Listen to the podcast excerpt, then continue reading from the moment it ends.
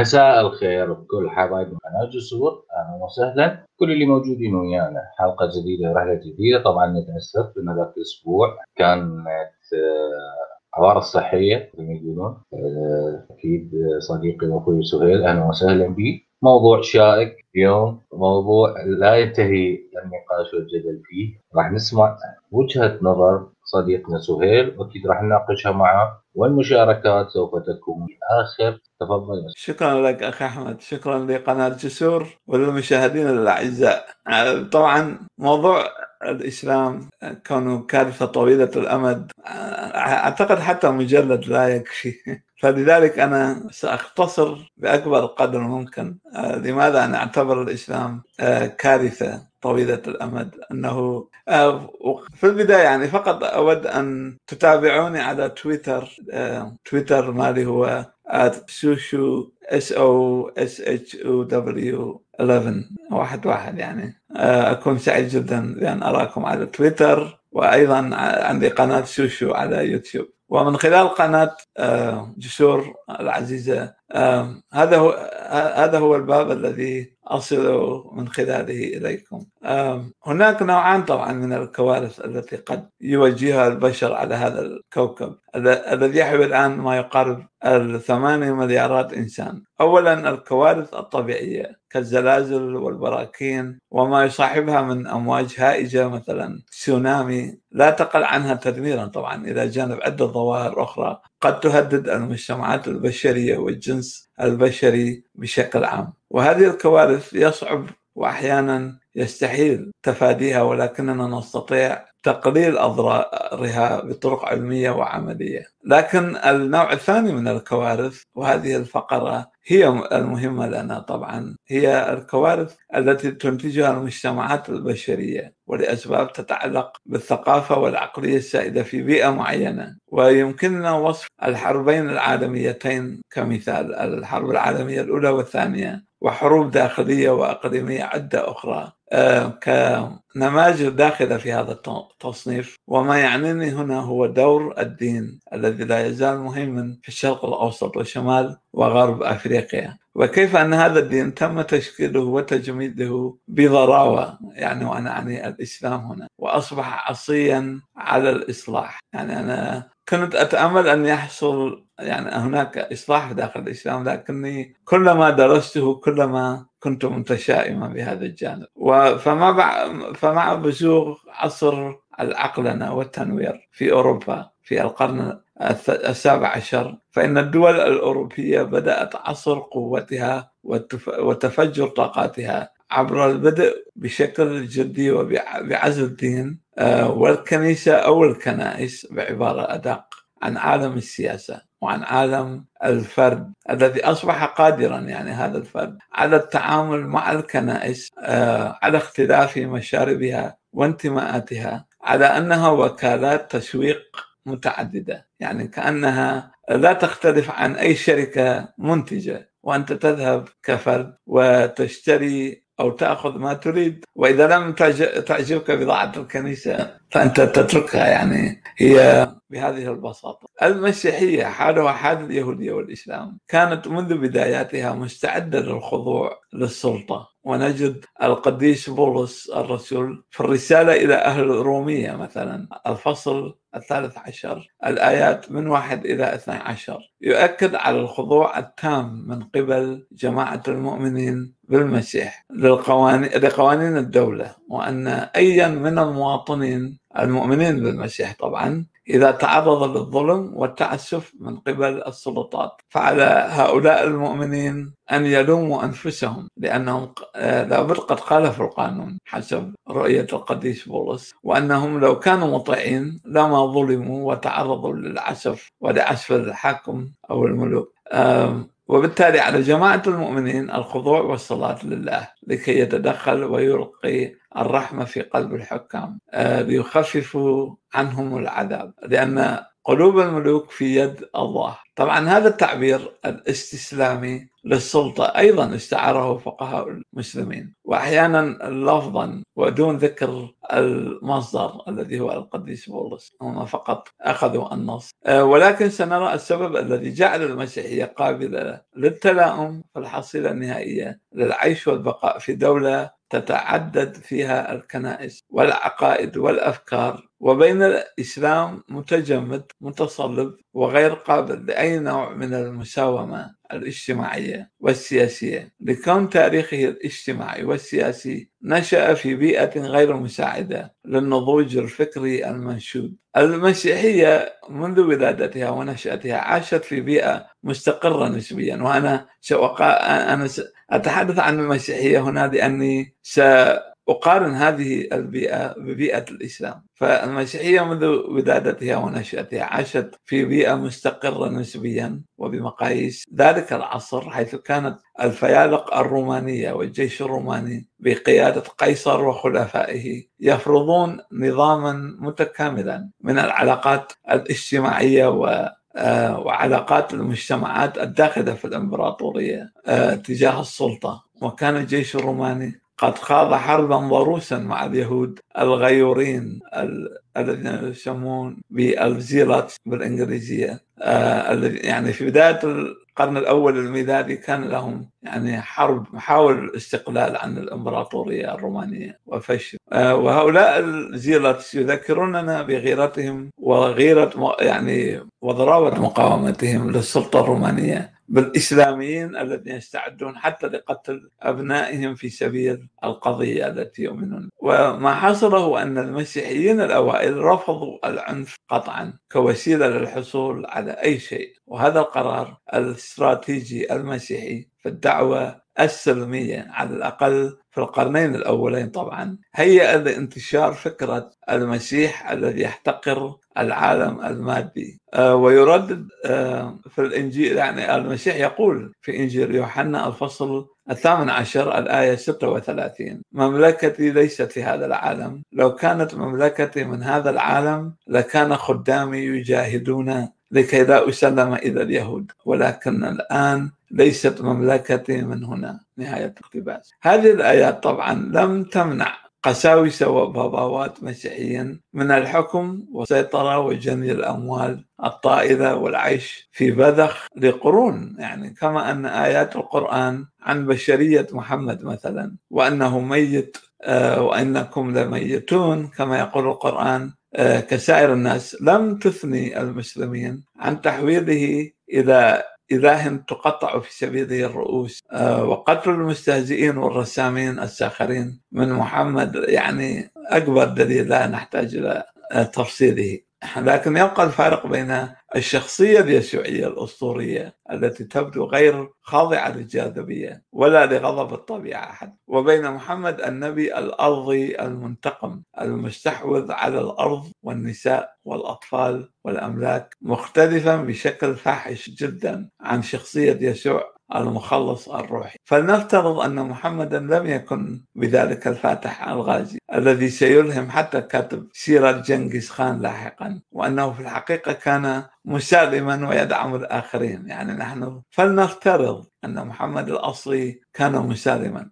لكن هذه الفرضية تنهار حالا حين حينما نبدأ في دراسة المصادر التاريخية عن محمد نبي الحرب. وسنجد أن أولى كتب السيرة وأكثرها قربا تعاني من كونها مجرد سماعيات يفرق بينها وبين محمد قرنان من الزمن وحتى ثلاثة قرون فهي مصادر غير موثوقة ولكن لا نملك غير هذه المصادر طبعا. آه، يعني من دون هذه المصادر محمد سيكون مجهول. لا نعرف عنه شيئا. اليهودية الإسرائيلية كديانة بدأت كدولة كما الإسلام لكن دخولها في عصر انتظار الملك المخلص جعلها قريبة من المسيحية التي ولدت في ظل الدولة. لكن عندما ظهر الإسلام فقد بدأ في منطقة تملأها الحرية. الحرية إلى حد الفوضى. وفي بيئة كهذه ورغم وجود إيجابيات لهذه الحرية يعني في الجزيرة العربية قبل الإسلام يعني كانت هذه بيئة حرة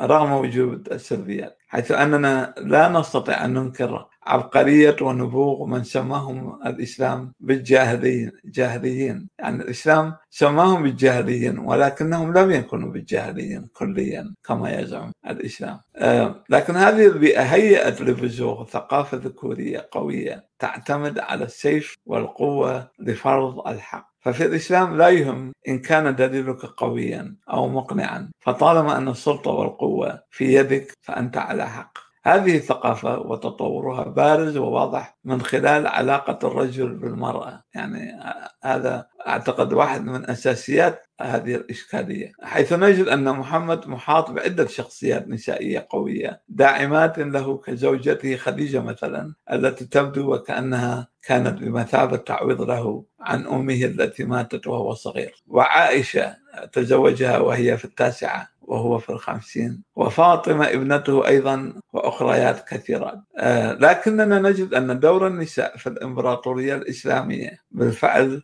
يتضاءل ويختفي في النهاية خلال بضعة عقود بعد محمد. وجود هؤلاء النسوة في حياة محمد لم يكن لأن الإسلام ينسجم مع حرية المرأة وإعطائها دورا. بل هو واحد من بقايا ما قام يعني الإسلام كمجموع معتنقين لنص بمحاولة محوه وإلغائه وتشويهه. رب سائل يسأل ما علاقة موقف الإسلام الذكوري من المرأة وتطوره كدين ودولة؟ ولماذا لا نقول أن الدين أن الذين جاءوا بعد محمد هم من همش المرأة؟ وجعل الإسلام دينا مقفلا اجتماعيا وسياسيا. قبل أن أجيب على هذا السؤال أود أن أطرح نقطة مهمة بشكل سريع وهو أن العديد من عامة المسلمين حتى أولئك الذين يعيشون في الغرب الديمقراطي يعربون عن استيائهم لأن هناك استهداف زائد عن اللازم للإسلام دون غيره على الإنترنت وفي الإعلام. هذا الموقف للأسف يظهر القصور الفظيع والافتقار للتعليم المناسب من قبل المجتمعات المسلمة. لفهم حقيقة أن الغالبية الساحقة من الأديان تتعامل بالسلمية حتى فيما يتعلق بالاستهزاء بأكبر مقدساتها. باستثناء الإسلام طبعا الذي يطالب بإلحاح باحترام نصوصه بدون مساومة. وأوروبا وأمريكا وفي أوروبا وأمريكا يقدمون المسيح كداعر وغبي ومثلية جنس. على سبيل الدعم طبعا للمثلية الجنسية. أو كشرير مسلح. ويتم الاستهزاء بالبابا والكنيسة دون أي قلق. من المستهزئين من فنانين ومؤلفين من أنهم قد يتعرضون لأي أذى من قبل المؤمنين بهذه المقدسات من هنا وجب جعل الإسلام هو هدف النقد الأساسي بسبب تصلبه ودمويته. فلننظر الآن لأسباب للأسباب التي جعلت الإسلام الدين الأكثر دموية. ودكتاتورية في التاريخ. السبب الأهم في نظري هو أن محمدا كنبي مؤسس لهذا الدين لا يصلح أن يكون ذلك الإنسان الكامل الذي يزعمه رواة السيرة. سواء كان الراوي آه، ابن إسحاق أو ابن قتيبة أو ابن سعد أو البخاري. وهي وجهة نظر يدافع عنها لاهوتي السنة والشيعة طبعا. بل إن رسالة محمد المعجزة القرآن بحد ذاتها تعكس الإله الذي أوحى بالقرآن وكأنه ملك ذكر أو بتعبير آخر هو رجل يخاطب الرجال ويحتقر ويقلل جدا من قدر المرأة. ويحتقر النساء بشكل لا نجده حتى بين أعراب الجزيرة العربية قبل الإسلام الذين سماهم الإسلام بالجاهليين ومحمد من خلال أحاديثه اعتبر المرأة ناقصة عقل ودين وشهادتها نصف شهادة الرجل وديتها وتعويضها يعني إن قتلت هي نصف تعويض الرجل. والنساء حسب محمد هن أكثر أهل النار. خذ مثلا هذه الآية. زين للناس حب الشهوات من النساء والبنين والقناطير المقنطرة من الذهب والفضة والخيل المسومة والأنعام. والحرث إلى آخر الآية. الآية 14 من سورة الأنعام. فالخطاب موجه للرجال فقط والنساء هن موضع الشهوة والإعجاب مقرونة بالبنين وأكداس من الجواهر والأشياء القيمة. وكذلك مقرونة بالخيل وحيوانات الحقل والمحاصيل الزراعية. فالقرآن يعامل المرأة بلا أبالية يعني مستغربة حتى في عصر في العصر الذي كتب فيه وواضح الاستعلائية في تعامله معها لدرجة درجة أن قارئ الآية سيحسب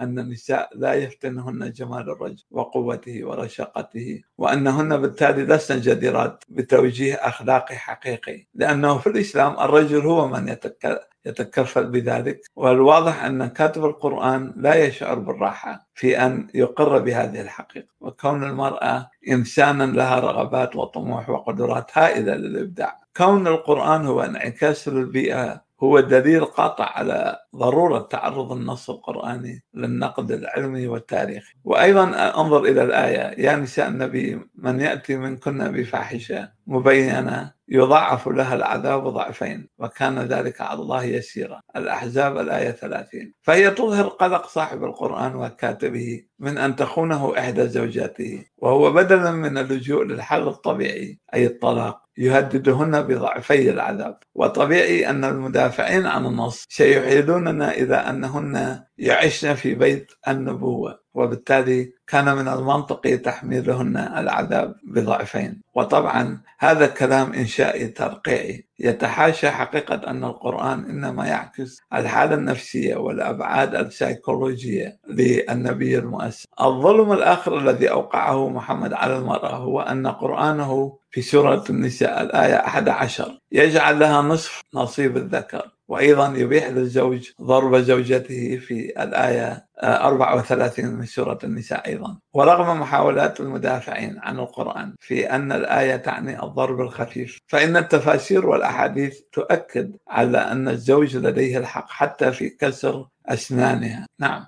هذا ما تقوله تفاسيرهم. كل هذا مبرر بمجرد أن إن خفتم منهن نشوزا. يعني شوف أعطيت الصلاحية للرجل بمجرد الخوف. كما تقول الآية الموجهة في خطاب جمعي للرجال ضد النساء. وبمجرد اشتباه الزوج في نشوز وتمر زوجته يحق له حسب هذه القوانين المقدسة. أن يسيء إليها إلى حد القتل. ومن هنا فإن جرائم الشرف هي إسلامية بامتياز. يعني الدول الإسلامية هي الدول الأولى في جرائم الشرف. ومظالم الإسلام بحق المرأة تستحق حلقات وما قدمناه هو لمحة من هذه المظالم والجرائم. إلى جانب احتقار قرآن محمد للمرأة فإن القرآن يعبر عن سلبية تامة تجاه أحد. أسس التفكير العلمي الحديث. وهو مفهوم الشك. على حق على عكس المسيحية التي يظهر نصها المؤسس في الأناجيل ورسائل التلاميذ أن الشك وحتى الوقوع في إنكار المسيح لن يكون سببا لقطيعة أبدية وسنرى كيف يتخذ القرآن موقفا سلبيا من الشك. حيث ينكر بطرس الرسول علاقته بالمسيح ثلاث مرات كما ورد في الأناجيل الأربعة. آه، دقيقة آه، أحاول أن آه، أضع النص على الشاشة حتى يستفيد المشاهدون شعر نعم. فهذه في هذه النصوص الإنجيلية الأربعة يعني ينكر بطرس أنه يعرف المسيح ثلاث مرات. ومع ذلك فإن هذا الإنكار لم يمنع بطرس من التوبة والعودة ليسوع آه، كواحد من التلاميذ الاثنى عشر. أيضا لا ننسى كيف أن التلميذ آه، يسوع توما أصر على لمس جروح يسوع ليؤمن آه، بحقيقة يسوع قام من بين الأموات كما يرد في يوحنا الفصل العشرين الآيات 25 إلى الآية 30 فالتلميذ توما لم يؤمن بقيامة المسيح إلا بعد أن لمس آه، جروح المسيح حسب الإنجيل طبعا. آه، يعني وهذا دليل أنه الإنسان يجب أن يأخذ مسألة النظر العقلي بشيء من الاهتمام. آه، وهذا طبعا لا يعني أنه ليست هناك نصوص ضد الفلسفة في الأناجيل أنا لا أنكر ذلك طبعا. لكن فلنعد إلى الموضوع. لا توجد أي أدلة تاريخية على حقيقة هذه الأحداث طبعا التي حدثت للمسيح. ومن المحتمل جدا أن يكون يشوع هو مجرد أسطورة ورمز لفكرة الإله الشمس آه، وليس شخصا تاريخيا حقيقيا. لكن ما يعنينا هنا هو الجانب اللاهوتي في القصة وتطبيقاتها العملية. طبعا كان من الممكن للمسيحية أن تتخذ موقفا سلبيا من الشك والإنكار لو أنها ولدت في بيئة صحراوية لا نظام ولا قانون. يعني كالإسلام آه، يحكمها واقع العنف والقوة لأن الشك لكي يصبح ذا قيمة عقلية. واجتماعية. ينبغي له أن ينمو في بيئة استقرار وتبادل تجاري واجتماعي وفكري. وهذه البيئة كانت متوفرة في مكة طبعا عندما في أول ظهور الإسلام. آه، في الفترة التي يسميها البعض بالفترة المسالمة حيث كانت العديد من الأديان والأفكار والآلهة والتقاليد تعيش جنبا إلى جنب دون أن يكون بينها أي عنف. لكن هذه البيئة كانت معزولة. وتحيط بها قبائل وشعوب والشعب القرآني طبعا هنا لا علاقة له بتعبير الشعب الحديث بل الشعب آه، هو يعني شعب الجبال أي بطن من قبيلة. فهذا نوع من التلاعب الحديث بلفظ آه، جعلناكم شعوبا وقبائل. يعني الشعوب هنا هي جزء من القبيلة. وكان على محمد أن يهز هذا المجتمع المتسامح دينيا بتعصبه وعقيدته المتطرفة وبالتالي نجح في تحطيم هذا الاستقرار. ولتأسيس دينه الحربي ولاستقراره الذي يوافق مزاجه الخاص المتجسد في إلهه الغاضب. أريد أيضا أن أشارككم بعض الآيات كنماذج. نعم أستطيع الحديث عنها. فهذه الآيات أنا أتخذها نموذجا يعني في موقف الإسلام من الشك. أنه آه، مثلا أفي الله شك فاطر السماوات والأرض. أو مثلا في هذه الآية وما قتله وما صلبه آه، يعني عن صلب المسيح وأنه لم يحدث حقيقة. أنه ما لهم به من علم إلا اتباع الظن يعني فالظن هو موضوع الشك وبالتالي هو شيء سلبي أو مثلا في هذه الآية فإن كنت في شك مما أنزلنا إليك فاسأل الذين يقرؤون الكتاب. مرة أخرى الشك هو شيء سلبي آه ولقد آتينا موسى الكتاب فاختلف فيه. آه وإنهم لفي شك منه مريب. فالشك في القرآن وهناك آيات كثيرة.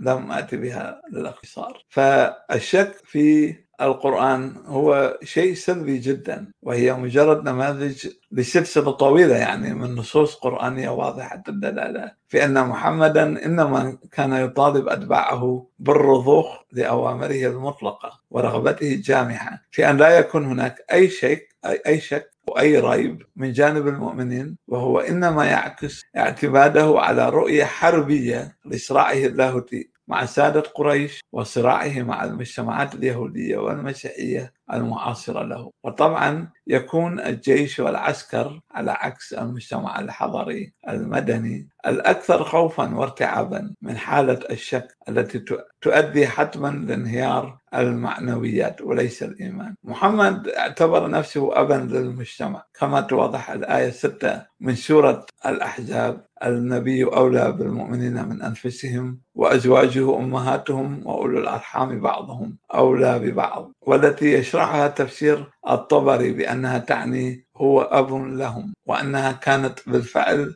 تقرأ على هذا المنوال وختاما فإن الكارثة الإسلامية تتمثل في أن هذا الدين إنما يحيل المجتمع المسلم. إلى مجتمع عاطل فكريا واجتماعيا عبر تأسيس علاقات غير تكافؤية ولا مساواة فيها. فنجد كما قلنا أن الإسلام يبدأ بإخضاع نصف المجتمع وأحيانا أكثر من النصف عبر تحويل المرأة إلى نوع من العبودية للذكر وانطلاقا من هكذا مجتمع. علاقاته مبنية على القهر والقوة والخضوع لرؤية دينية صارمة ينقسم المجتمع الرجولي بحد ذاته إلى ذكور متصارعين للسيطرة. على الإناث والثروات. في حالة تذكرنا بمجتمعات الشمبانزي والغوريلا حيث المجتمع مسيطر عليه من قبل الذكر الأقوى الألفا ميل كما يسمى بالإنجليزية ولا تتم الإطاحة به إلا على يد ذكر أقوى لاحقا وهو بالضبط ما حصل ويحصل في المجتمعات العربية والإسلامية منذ 1400 سنة بينما استطاعت المسيحية واليهودية أن تتلائم مع الدولة الحديثة يعني وإن أجبرت لكن يحسب لها أنها استطاعت أن تعطي المنافسين حرية التنافس لإقناع المتلقن من المواطنين بأنها فكرة كأي فكرة أخرى يعني حق لهم تبادلها ومناقشتها. الآن الإسلام يعتمد آه، يعني نهاية على لغته القديمة لغة القوة ولغة الحرب. وأعتقد أننا يجب أن نناقش هذه الأزمة وبشكل جدي لأنها تهديد لدولنا الإسلامية والعربية آه، التي هي الآن على حافة الانهيار. وتهدد حتى المجتمعات المهاجرة هنا في الغرب. آه، شكرا لكم لإعطاء هذه شكرا لك يا صديقي. سهيل على هذا التلخيص الرائع. راح نتناقش أكيد وياك آه، حبايبي وأصدقائي مشاهدي قناة جسر المتواجدين حاليا راح أضع الرابط بالشات اللي يحب يشترك يقدم رأيه يتناقش ويا الأخ سهيل أهلا وسهلا بالجميع ولكن ضمن حدود الأدب المسموح به واللي متفقين عليه دائما في كل حلقة. صديقي سهيل إذا تسمعني نعم. عندي كم نقطة حابب أناقشك فيها بالنسبة للمسيحية واليهودية أظن بأنه كبار الرؤوس في هذه الأديان. قد توصلوا لفكرة بأنه لا نقف أمام المد حتى ندوم لأطول فترة ممكن يا ريت آه نسمع سمعنا رأيك في هذه النقطة. ولكن بعد أن نستقبل أول مشترك ويانا وهو صديقنا بربارو تفضل يا بربارو تحية طيبة أخواني الأعزاء. تحية طيبة للأخ أليكس للأخ سهيل. الحقيقة موضوع رائع. وحبيت يعني أشارك بمداخلة سريعة قدر الإمكان. أه، شوف أخوان بالنسبة يعني أنا من زمان قايل هذا الرأي أنه الإسلام تنظيم سياسي ليس دين. يعني من لحظة نشأته و... والى حد هذا اليوم. فيعني هاي وجهة نظري بالإسلام. لكن أه، بعض الأخوة يعني حتى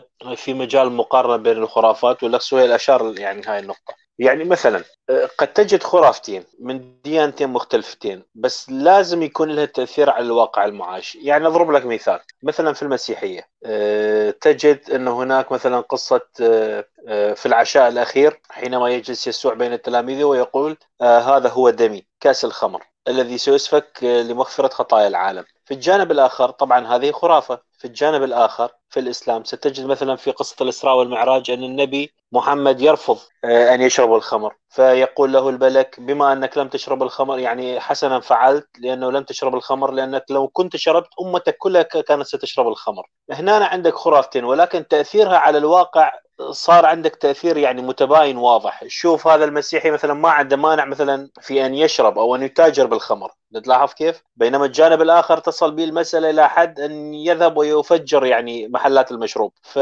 هنا ما مدى تأثير الخرافة على الواقع المعاش. كيف يمكن أن تتحكم الخرافة في حياتنا؟ ولهذا أقول دائما إخوان الإسلام في كل تفاصيله في كل حتى في خرافاته هو يعني خطير وخطير جدا لأنه دائما يسعى إلى الإمساك بالأرض دائما. يعني فكرة مثلا فكرة السلطة الأخ سهيل أعطى يعني وجهة نظره بها وهي صحيحة يعني أنا أتفق معها إلى أبعد الحدود. يعني غير موجودة مثلا في المسيحية. يعني المسيحية تستطيع أن تعتبرها يعني نوعا ما منبطحة يعني النظام القائم أيا يكن هذا النظام القائم وأيا كان الشخص القائم عليه. لكن في الإسلام لا لا طاعة لمخلوق في معصية الخالق. وإذا كنت ترى الحاكم كافر يجب أن تغير الحاكم. ويجب أن تغير نظام الحكم أيضا إذا كان لا يتوافق لا يتوافق مع يعني أبجديات الإسلام. فالمسألة أخي يعني الفرق شاسع جدا شاسع شاسع جدا. يعني لا لا يمكن المقارنة بين هذا وهذا. يمكن يعني من باب أن نقارن مثلا بين المسيحية والبوذية آه، بس الإسلام لا, لا يعني ليس كمثله شيء.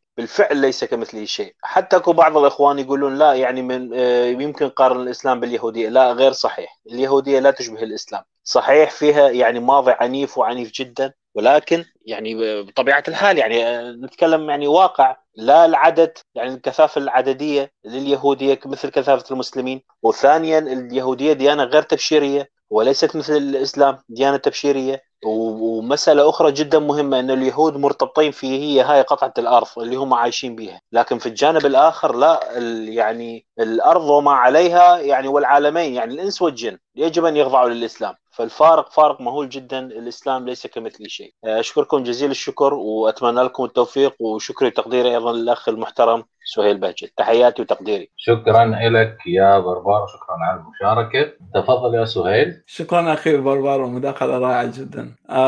حقيقة أنه أنا دائما أقول أنه مشكلة الإسلام الأساسية هو احتقاره للمرأة. يعني هذا هذه الذكورية هي التي تجعله هذا الدين العنيف. يعني هي كارثة أن تجد آه، عقدة عقدة جنسية لشخص معين تتحول إلى مقدس وتأخذ آه، مجراها في التاريخ. يعني يعني مثلا محمد لم لم يشعر حتى لم يحترم خديجة التي أعلن عن حبه لها لأنه بمجرد موتها تزوج عشرة نساء إلى جانب الإماء طبعا والعبيد والتي سلمن أنفسهن له. فعندما ندرس القرآن والسيرة نجد أن هذا الشخص النموذج الأكمل كما يسميه ملالي الشيعة والسنة. هو ليس نموذج أكمل هو بالعكس يبدو النموذج الأسوأ. يعني تخيل لو يأتي لك شخص ويقول لك أن أبي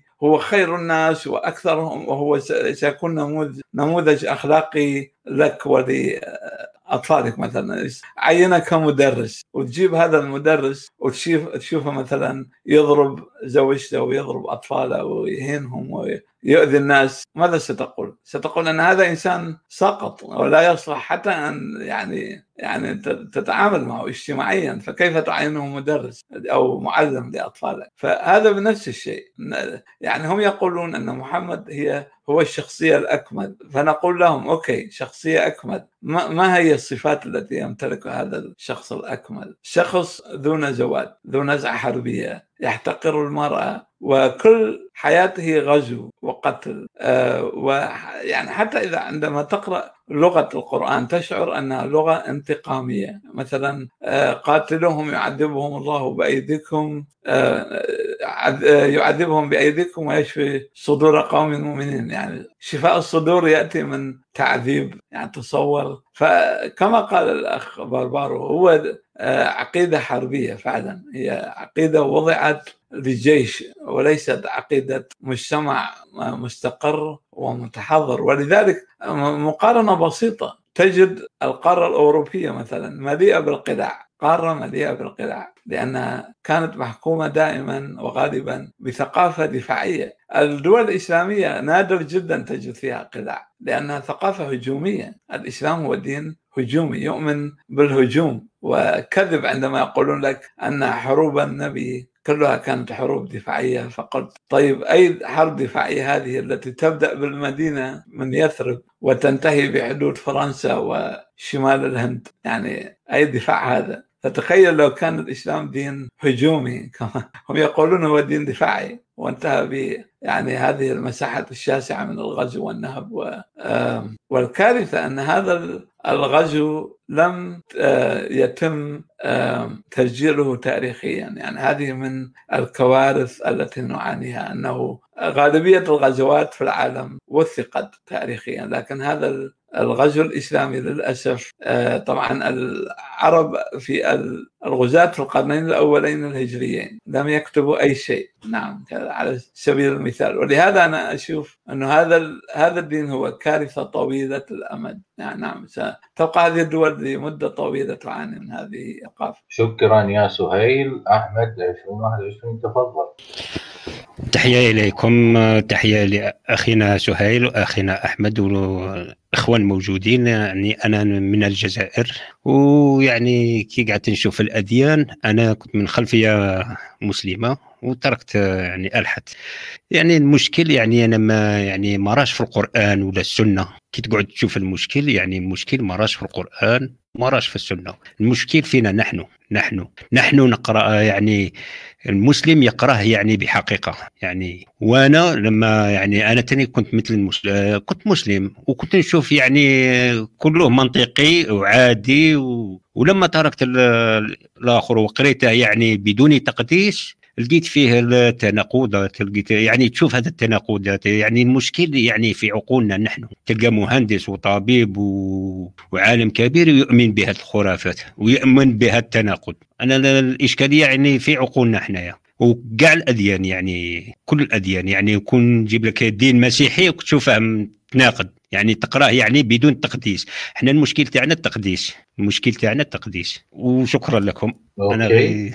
شكرا لك. شكرا على المشاركة. فكره عن هذا الرأي. أكيد راح تسمع رد صديقنا سهيل. تفضل يا سهيل. نعم شكرا أحمدي أحمد من الجزائر. آه، آه، أنا أتفق معك. يعني وهذا هدفنا. يعني عندما نحن نطرح النص نناقش النص نراجع نص هدفنا هو آه، فتح العقول. يعني هدفنا هو أن نجد هؤلاء حتى المتعلمين. يعني كما تفضلت تجد طبيب ودكتور ومهندس ومع ذلك يذهب إلى الجامع. ويستمع إلى رجل دين غبي جاهل متخلف لا يعرف أي شيء ويعني يعني يعتبر كل ما يقوله وكانه شيء محترم. طبعا هذه كارثة إنه كيف صاحب هكذا شهادة ودارس ومع ذلك يسلم عقله بيد رجل دين. يعني وأنا متفق معك 100% المشكلة هي في عقولنا أنه آه، وأنا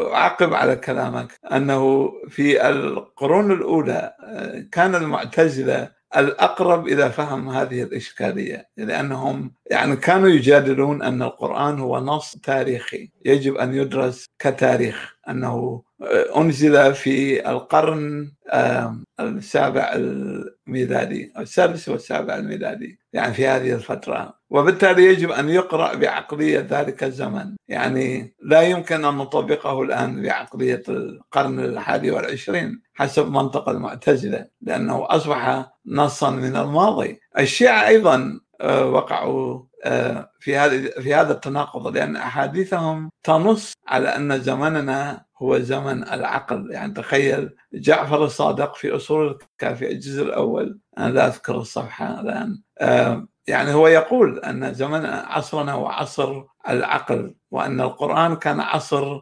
البلاغة كان لعصر البلاغة أو زمن البلاغة. أوكي. ولا أنا ما من أن القرآن بلغ أي شيء لك يعني لكني أطرح ما يقولونه. آه. يعني هذا على الأقل يكون شيء قابل للتطوير تبني عليه. أنه إذا كما يقول آه، نصر حامد أبو زيد في بعض كتاباته أنه لو نأخذ القرآن ك آه، مادة تاريخية يعني كما يفعل المستشرقون آه، نستطيع الاستفادة منها. أنها نجد أو أوكي محمد كان يجسد عقلية زمنه. وهو بالتالي نص أرضي يعني نص لبيئة فيها كلمات فارسية ويونانية وقبطية وكثير من اللغات وجدت كلمات وجدت طريقها إلى القرآن فهو منتج زمني. هذا التعقيب. شكرا. شكرا لك يا سهيل. يا ريت ترد على سؤالي اللي سألتك إياه بأنه الاختلاف بالرغبة بالبقاء. آه نعم, نعم. برأيي برأيي الشخصي بأنه أظن بأنه اللي الرؤوس الكبرى حاليا بالإسلام أو اللي ماسكين خلينا نقول اللي هم المشايخ اللي يعطون الازهر ولا غيره الذين يعطون الفتاوى. لحد الآن متعلقين بفكرة الغزو وفرض الرأي بالقوة أو أفرض ثقافتي عليك بالقوة. بينما حاخامات ورهبان اليهود أو قساوسه اليهود والمسيحيين تطوروا بضمان فترة أطول بالبقاء ليعيش دينهم أو الدين الذي هم يمثلوه. وهو كذبا تدعى بالأديان السماوية يكون بقائها لفترة أطول. تفضل. نعم شكرا. آه، المسألة أعتقد أنه ليست فقط القيادات الدينية أو الرؤوس الحاكمة في الدين. يعني مثلا الحاخامات في اليهودية والبابا والقساوسة في المسيحية أو الشيوخ. المسألة أيضا الثقافة نفسها تؤثر على سبيل المثال فلننظر إلى شخصية يسوع في المسيحية والإنجيل نجد أن هناك تلميحات في الأناجيل أن المسيح ربما يعني نسبه ليس نسبا شريفا وهناك أربع نساء متهمات بالزنا مثلا في نسب المسيح إذا تأخذ إنجيل متى مثلا هناك أربع نساء متهمات بأنهن كنا على علاقة خارج الزواج ومع ذلك ولد منهن المسيح الإله. آه، من هنا يعني هناك نوع من التسامح المسيحي تجاه المرأة حرية المرأة. أن هناك آه، رجل ومرأة نوع من التساوي. يعني رغم أنه الدين المسيحي بشكل عام هو ذكوري أيضا ولكن لو تأخذ شخصية المسيح آه، وهو أمه أيضا تسمى بأم أم الله في الكنيسة الكاثوليكية مثلا. آه، المسيح لديه صفات أنثوية وهو شخص مسالم. آه، بينما محمد الكارثة أنه ليس شخصية أنثوية بالعكس هو شخص يغضب يحارب.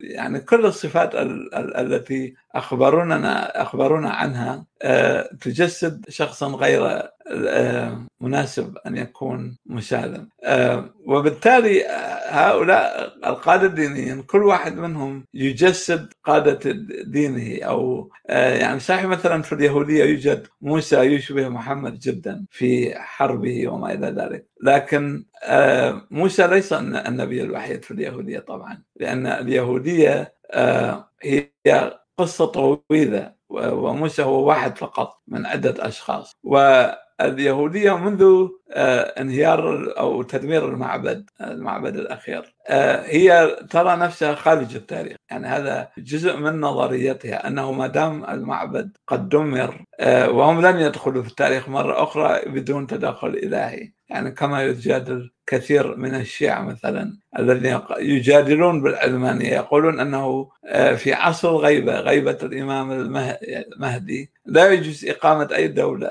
دينية. وهذا أعتقد هذا الجانب الذي يجب أن نشجعه. أنا كان عندي أمل كبير في الشيعة لكن للأسف لحد الآن أرى غالبية الشيعة يستسلمون للجانب المتطرف والمتمثل آه، بالخمينيين. آه، فلذلك أعتقد آه، طبيعة الأديان نفسها وليس فقط رجال الدين هي من يؤسس ما إذا كانت ستتأقلم أم لا. نعم. هذا هذا هذه النقطة التي أختلف فيها معك.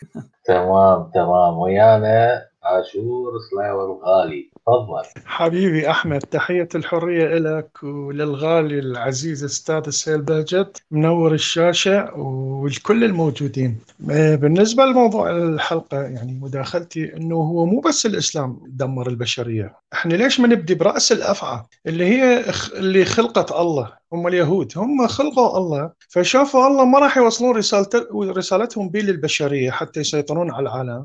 فخلوا لهم وسيط اللي هو أول وسيط يسوع خطيه قشمروا وضحكوا عليه ومن الهيكل استلموه ويدربون به وقالوا له أنت حتكون الله وأنت حتكون ابن الله. وبالأخير آخر أيامه قالوا له أنت راح تنصلب وتصعد على الصليب ونخلصك. هو كذب كله قشمرة في قشمرة صعد على الصليب وإلي إلي لما شبقتني وراح لا الله سمعه ولا أحد سمعه وانكتل المسكين على الخشبة وراح انتهى. فسووا اختلقونهم مثل ما قال أخوي الغالي سهيل هو كان أنثوي يعني إنسان مسالم كله محبة وحب. يعني دائما أكثر شيء المحبه يكون قرينا للأنثى مو للذكر. شافوا ما فات قالوا خلينا نخلق لنا واحد لاخ أقوى منه يكون ميوله ذكري مثل ما خلقه محمد وسوى فهو خطر الأديان صدقوني لا تخافون. راح يزول يعني أنا حسب رأيي مو أقل مو يعني مو أكثر من 100 إلى 200 سنة حيكون زائل منتهي. ليش؟ لأن هذا الانتشار العظيم اللي ولد مليارات العالم اللي تبعت المسيح والإسلام سببها كلها كان رجل رجل مثل مثلا النبي موسى أو نبي يسوع يسوع أو محمد. بس هسه أكو ناس يعني تبشيرية مو تبشيرية نقول يعني متنورين ينورون بالملايين بالآلاف. من ضمنها قناتكم وقنوات أخرى عظيمة دا تنور عقول البشر. زين أنتم هذول ما تتصورون بعد 200 سنة حتنورون عقول مو مليارات مئات مليارات البشرية اللي هم ثلاث أشخاص سيطروا على العالم وخلوا تتبعهم المليارات. وكله في تعسف وقتل وزنا وكره واستحقار للمرأة وملكات اليمين و قتل الذبحة البشرية والهاي. كلهم حتى المسيحيين حتى ليش الصليبيين ما ذبحوا العالم وطيحوا حظ العالم. كلهم الأديان. حاشا السامع خرى أخو البول هاي بالعراق يعني كلهم زبالة. فانتم هل تتصورون هذول حيأثرون بعد 100 لو 200 سنة؟ وهيچي هيچي ناس عباقره مثل أستاذ سهيل وأستاذ أحمد وآلاف اللي موجودين مثلكم على الشاتات. يعني إذا شخصين ثلاثة سيطروا وسووا هذا كان لهم هذا التأثير. معقولة أنتم بعد 300 أو 200 سنة؟ أو خلينا نقول 300 سنة. ما راح يكون لكم تعظيم يعني تأثير عظيم وحتكونون أنت أنتم الآلهة مال ذاك الزمان. فماكو داعي تخافون وصدقوني ما راح يأثرون وهم في زوال سريع سريع سريع. وإحنا بالنسبة بالحياة البشرية نشوف السنين طويلة ولا هي مو طويلة. يعني هي الحياة يعني مثل ما قال الإمام علي هي فتحة باب وسكرة باب. يعني أحلى كلمة قالها الإمام علي أنا كلش أحبها هاي. إي يعني أنا أحكي الصدق. هي الحياة قصيرة وماشية الحمد لله ماشية بالطريق الصحيح. العالم وهاي القنوات فضحت الأديان دمرتهم. يعني خلف الله على داوكنز وخلف الله على العلم وخلف الله على الناس اللي مثلكم اللي كشفت هاي الخرافات وهاي الخزعبلات. حتى الإنسان يتنور. الإنسان هو خلق الله. أول خالق لله هم اليهود. زين؟ واللي قبلهم كانوا الاشوريين والأكاديين والفراعنة هم ذول الخلق الآلهة. بس اليهود سووا إله ما عنده حواس. يعني إله جديد بدون حواس بدون كل شيء وقاعد على الكرسي. صار ملايين سنين قاعد على الكرسي. أدري هذا الكرسي مازنجر ما خاص زين هذول الملائكه ودا يطيرون. أدري ما اشتعل ربهم ما تعبوا. فالعالم دا يتنور و... وللأمام حبايبي وعاش حلقكم. وهذا الملك سنحاريب ظهر وهو حيكمل الرسالة لأن هو ملك الكلام الرائع. تفضل حبيبي. تحيات لك يا اشور وشكرا على المشاركة الرائعة. أه نسمع ملكنا الغالي سنحاري وبعدين راح ناخذ مداخلة الاخ سهيل بعد تفضل يا سنحاري. تحية طيبة أستاذ أحمد المحترم تحية طيبة لسهيل المحترم المثقف الرائع. وإلى آشور حبيبنا الغالي وإلى الاخ بربارو اللي شاركنا قبل. حبي واحترامي لجميع الموجودين في الشات ومن سوف يتابع الحلقة. الحديث عن الإسلام كديانة أنها كارثة. آه، لما نقرأ القرآن الكريم اللي هو يعتبر دستور الدستور الذي استند عليه الإسلام وما بعد وما بعده السنة النبوية. نجد آه، يعني أشياء فظيعة على سبيل المثال. آه، هم دائما يقولون الإسلام دين الرحمة وكل الأديان على أساس توصف أنها جاءت لإنقاذ البشرية لإخراج البشرية من الظلمات إلى النور لإخراجهم من العبودية إلى الحرية. ولكن لما نبحث في بطون هذه الكتب المقدسة وخصوصا آخر رسالة هي الإسلام نجد التناقض في هذا الكلام ما بين ما يقوله الشيوخ والفقهاء وما في بطون هذا الكتاب. على سبيل المثال آه، كم مرة ذكرت كلمة القتل والقتال؟ أنا راح أشير شغلة صغيرونة إذا سمح لي. نجد مثلا هنا على سبيل المثال آيات القتل والقتال في القرآن. طبعا بدءا من سورة البقرة تطلع حوالي 96 مرة ذكرت كلمة قتل قتال اقتلوا قاتلوا. آه ف وأيضا آه، لو نلاحظ هنا شوف إيش يقول مثلا على سبيل المثال أنا ليس بوسعي أن أقرأ ما الآيات. يقول راجع تفسير الطبري لقوله لاحظوا آه لما يقول هنا وما خلقنا السماوات والأرض وما بينهما إلا بالحق وأن الساعة لآتية فاصفح الصفح الجميل. حينما نراجع تفسير القرطبي لقول النبي آه محمد لقد جئتكم بالذبح وبعثت بالحصاد ولم أبعث بالزراعة. طيب يعني هو جاهم بالذبح. يعني يعني النبي محمد ما جابهم ما جاب لهم علم جديد علم صناعة زراعة طب فشي جديد. لا جاءهم بالذبح. وهو يعترف ويقول أنا لم أبعث بالزراعة أنا ما جاي أعلمكم الزراعة. طيب إيش تأكلون لعد إذا أنت ما تعلم قومك أنه يعتمدون على نفسهم بالزراعة. فقط بالذبح يعني أنا جاي جاي للغزوات جاي للقتال. ودائما الدين الإسلامي يجعل نفسه في مقدمة الأديان. أفغير دين الله يبغون؟ يعني أنتم معقولة؟ أنتم النصارى المسيحيين اليهود معقولة أنتم هذا العقل؟ غير الإسلام تريدون؟ يعني ما تفكرون؟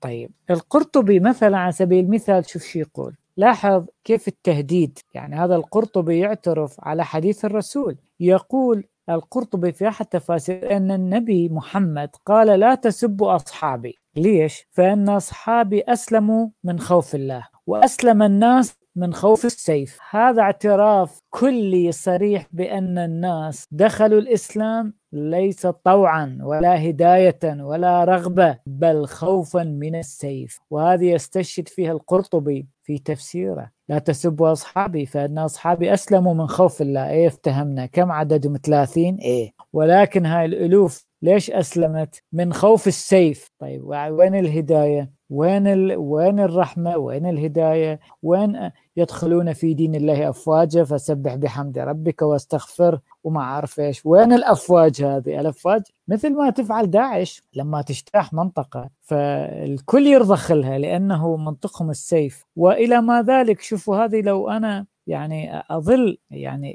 أستطلع بها ما أخلص من عندها ولكن السؤال يعني لماذا كلمة القتل والقتال أصبحت لدى المسلم بديهية يعتز بها؟ على أساس يقولون مسألة. بعض ال يعني المعت... ال...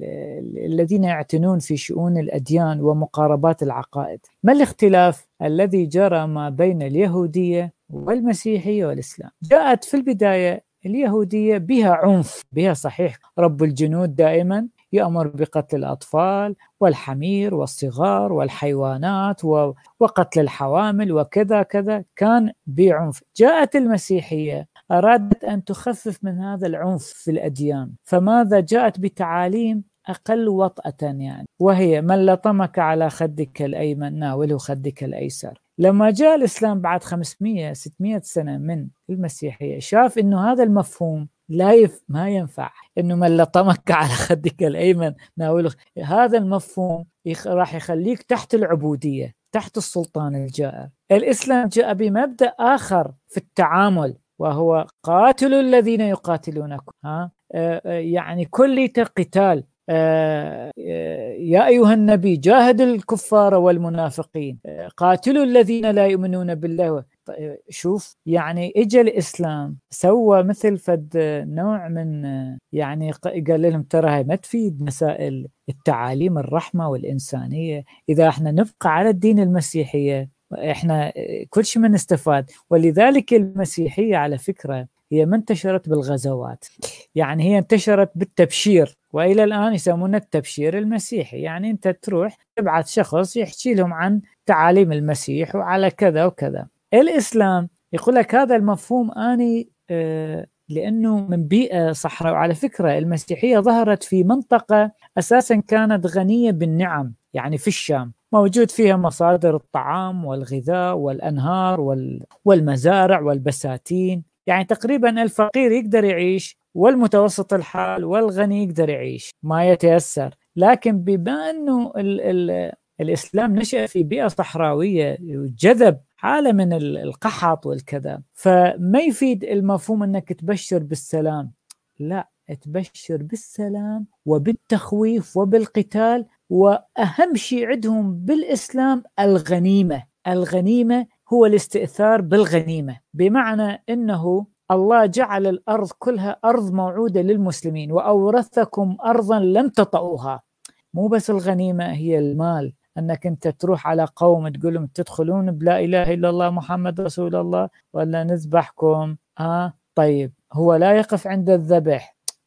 آخذ نسوانكم واغتصبهن يصيرن عندي جواري. آخذ أولادكم عبيد وآخذ حلالكم حتى حتى ما تمتلكوه. كل شيء تمتلكه أنا يصير ملكي. طيب هنا جاءت في في في يعني أنا قريبا بعمل حلقة. على ماذا اعتمد النبي محمد؟ على شوية صعاليك. هم أساسا كانوا يحبون الغزو كانوا يحبون الغزو على القبائل الأخرى على القبائل الضعيفة على كذا. طيب هؤلاء صاروا جزء من جنود النبي محمد جزء من الإسلام جزء من التكوين فصارت الخلية الأولى مثل ما نقول اللي هو يسمونه الإسلام الثوري، الإسلام الجهادي، القتال ولذلك يقول الحويني يقول تعرفون ليش إحنا أمة الإسلام؟ هذا قبل كم سنة، ليش أصابنا الضعف والفقر؟ لأن توقف الجهاد، لم نعد نغزو وتوقف الغزو، ولو بقي الغزو في زمننا لأصبحنا أغنى الأمم. إلى الآن تفكير المسلمين بهذه المنطقية، غزو وأغزو وامتلك كل ما يمتلكه الغير المسلم. يعني أن تستبيح ماله وعرضه وأرضه وأن تمتلك حتى عقله. كل شيء يعني وما له حق يعارضك ولا أي شيء. ودائما لوم اطلع وما لكم لا تقاتلون في سبيل الله. طيب ولوم للرسول عفى الله عنك لما أذنت لهم؟ لما ناس تخلوا عن غزوة تبوك أو مؤتة قالوا عندنا حصاد وكذا وكذا فرخص لهم الرسول. جاء لهم عتاب عتاب للرسول أنت شلون تسترخص لهم؟ يعني وإذا عندهم حصاد القتال أهم شيء القتال والغنيمة. وصلوا إلى درجة الأحاديث تقول اغزوا الروم تغنمون بنات الأصفر؟ يعني أنت رايح تغزو الروم عشان تبدل دينهم ولا تأخذ بنات الاصل يعني الظاهر انه النسوان اللي موجودات بالجزيرة العربية جربوا كل الأنواع السمرة والبيضة والسمينة والضعيفة. هالمرة حبوا يغيرون. شوية فاكهة نغير الفاكهة. يعني يعني يوميا أنت تأكل لك نفس الفاكهة غير فاكهة ثانية طعم آخر ريحة أخرى شعر الأصفر البشرة الشقراء الشقراوات وكذا يعني أنت السؤال يعني دائما أنا أسأل نفسي أنت ليش ترغب جنودك وصحابتك بالشقراوات؟ طيب أنت منيتهم بالحوريات هالمرة بالشقراوات. فهذا هو الإسلام كارثة يبقى كارثة. قسم يقول لك لا والله الإسلام تهذب. طيب ما فعلته داعش؟ داعش جاءت اغتصبت اليزيديات خطف 6000 وفي تقرير نقلتها المتحدة البنات اليزيديات اللي أبوا أن يتزوجن أو يغتصبن تم قطع رؤوسهن 250 امرأة قطعوا رأسها أمام الناس. بمعنى أن الإسلام في كل مكان هو كارثة. إذا ما تريد عدائي عدواني عدائي. تريد سلام سلام. تريد وسطي وسطي. الآيات جاءت على كل نسق تريده وعلى كل تفسير أنت تريده. ولهذا ظهرت التفاسير 300 مو واحد تفسير. ودائما يقول اختلف أهل المايك معكم حبي واحترامي للجميع. شكرا يا حبيبنا الغالي سنحاريب على المداخلة الرائعة. وختامه مس مع سهيل. تفضل يا سهيل. شكرا. آه شكرا لمداخلة الأخ العزيز أشور وأيضا الأخ سنحاريب مداخلات رائعة جدا. آه لكن فقط أردت أقول أنه الأديان لا تتطور يعني مثل ما يعني طرح الأخ اشور أنه ناس أرادوا قالوا خلينا نخلق إله وخلينا نسيطر وخلي لا هي المسألة مو هكذا. آه، حتى هؤلاء الكثير من الإرهابيين مثلا أو الذين ينتهجون نهج العنف هم يؤمنون بما يفعلون. وإلا يعني كيف تفسر شخص يذهب وينتحر يعني يفجر نفسه؟ آه، إذا لم يكن دماغه يعني مغسول. آه، طبعا هذا آه، عند هؤلاء هذه قناعة. فعندما تقوم بغسل دماغ لبعض الناس فهم يفعلون كل ما تأمر تأمرهم به. والأديان هي هكذا. يعني ربما محمد نفسه كان بالفعل يصدق أنه نبي وكان عنده طبيعي جدا أن يغري جنوده بالشقراوات مثل ما تفضل الأخ سنحارب أنه آه، يعني في ذلك العصر لأنه ليس عصر علم ونحن نعرف أنه علم السيكولوجي إنما ظهر في القرن التاسع عشر. يعني أنا أقسم العالم آه، والتاريخ البشري إلى قسمين آه، العالم في زمن الجهل والخرافة ما قبل الثورة الفرنسية والعالم العلمي المتطور ما بعد الثورة الفرنسية. يعني حتى الثورة الأمريكية آه، لم تكن قوية بقوة الثورة الفرنسية. الثورة الأمريكية كان فيها شيء من النفاق. يعني كان تطور ولكن إلى حد معين. أما الثورة الفرنسية نعم فهي ألغت ألغت فكرة آه، أن الدين هو حقيقة. بالعكس آه، آه، فالآن عندما ندرس الأديان يجب أن لا ندرسها بمنطق أن هؤلاء يعني هم كأنهم لجنة من المتآمرين ومجموعة من المتآمرين و لا لا الموضوع ليس بهذه البساطة. تاريخ الدين معقد ويعني حتى عندما تدرس كتب المستشرقين تجد أن هناك جوانب اقتصادية وجوانب نفسية واجتماعية وثقافية هي التي تخلق آه، هذا الدين أو ذاك الدين. ف ممكن جدا كما يعني يجادل بعض المفكرين في الغرب الآن أنه محمد لا يكون له وجود وأنه الدولة الأموية والدولة العباسية من خلال صراعهم الطويل يعني ساهموا في خلق هذه الشخصية الخرافية الحربية لأنهم كانوا يحتاجون إلى هؤلاء الجنود وإلى هؤلاء يعني هذه العقيدة العسكرية. فهذا ممكن جدا. هذا فقط الذي أردت أن أقوله. شكرا لك ونشكر كل اللي شاركوا اليوم ويانا بالأول واكيد أخونا وصديقنا بربارو والصديق أيضا الجديد اللي نتمنى دائما يشارك معنا أحمد من الجزائر وآشور الغالي وأكيد ملكنا سنحات أكيد متواصلين وياكم حبايبنا. راح نسمع الكلمة الختامية من صديقنا سهير. ونذكركم لا تغادرون لأنه بعدنا توجد حلقة للأستاذ طلال الراوندي وبعدها اخويا وصديقي زيد عنده اليوم حلقه ختاما يا سهيل تفضل. آه في الختام أود القول أنه يجب علينا أن أن نشجع الناس على أن تذهب وتدرس القرآن والحديث وهذه الكتب لكن ليس بمنظار رجل الدين لأنه نحن فعلا كنا ندرس هذه النصوص كمتدينين ولا نفكر في بشاعتها وتناقضها. ولكن عندما بدأنا ندرس هذه النصوص بالعقل وأنا أود أن أوضح أنه لولا المستشرقين ما كنت انفتح فكريا حقيقة. فالمنتج الاستشراقي جدير بالإعجاب وجدير بالمتابعة. ولكن أيضا أقترح أن ندرس المجادلات المذهبية بين السنة والشيعة. يعني هم يفضحون بعضهم البعض. إذا تقرأ كتبهم وتناقضاتها تجد أنهم هم أنفسهم أكبر معين ومساعد على انتشار الفكر العلمي الحداثي.